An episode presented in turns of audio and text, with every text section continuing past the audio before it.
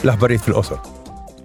Il-bieraħ, il-membri parlamentari Ewropej laħqu ftehim mal-gvernijiet tal-Unjoni Ewropea dwar liġi ġdida li tirrigwarda il-prodotti li ma jwaslux għad-deforestazzjoni.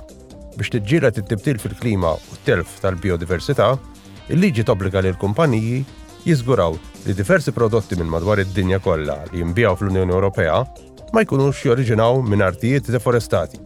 Ir-regoli l-ġodda jkopru prodotti bħal baqar, il-kawkaw, il-kafè, iż-żejt tal-palm, is-soja, l-injam, il-lasktu, il-faħam u l-prodotti bil-karta stampata.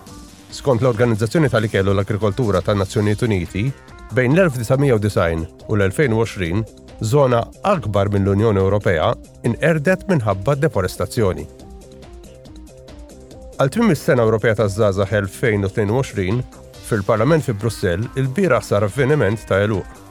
Il-konferenza ta' għeluq ġiet organizzata mill-Parlament Ewropew, il-Presidenza Ċeka tal-Kunsill u l-Kummissjoni. Madwar 700 parteċipant, fosthom membri tal-Parlament Ewropew, kummissarji, ministri Ċeki, is-soċjetà ċivili u numru kbir ta' żgħażagħ, ħadu sehem f'sessjonijiet tematiċi dwar l-edukazzjoni u s-saħħa mentali. iltaqgħu ma' dawk li jieħdu d-deċiżjonijiet fl-Unjoni Ewropea u ddiskutew dak li nkiseb matul is-sena. Għada, il-Kumitat Speċjali dwar il-COVID-19 se jiddibatti dwar l-impatt tal-pandemija fuq is-saħħa mentali ta' tfal u teenagers, l-eluq tal-iskejjel u l-kundizzjonijiet tat-talim il-bot.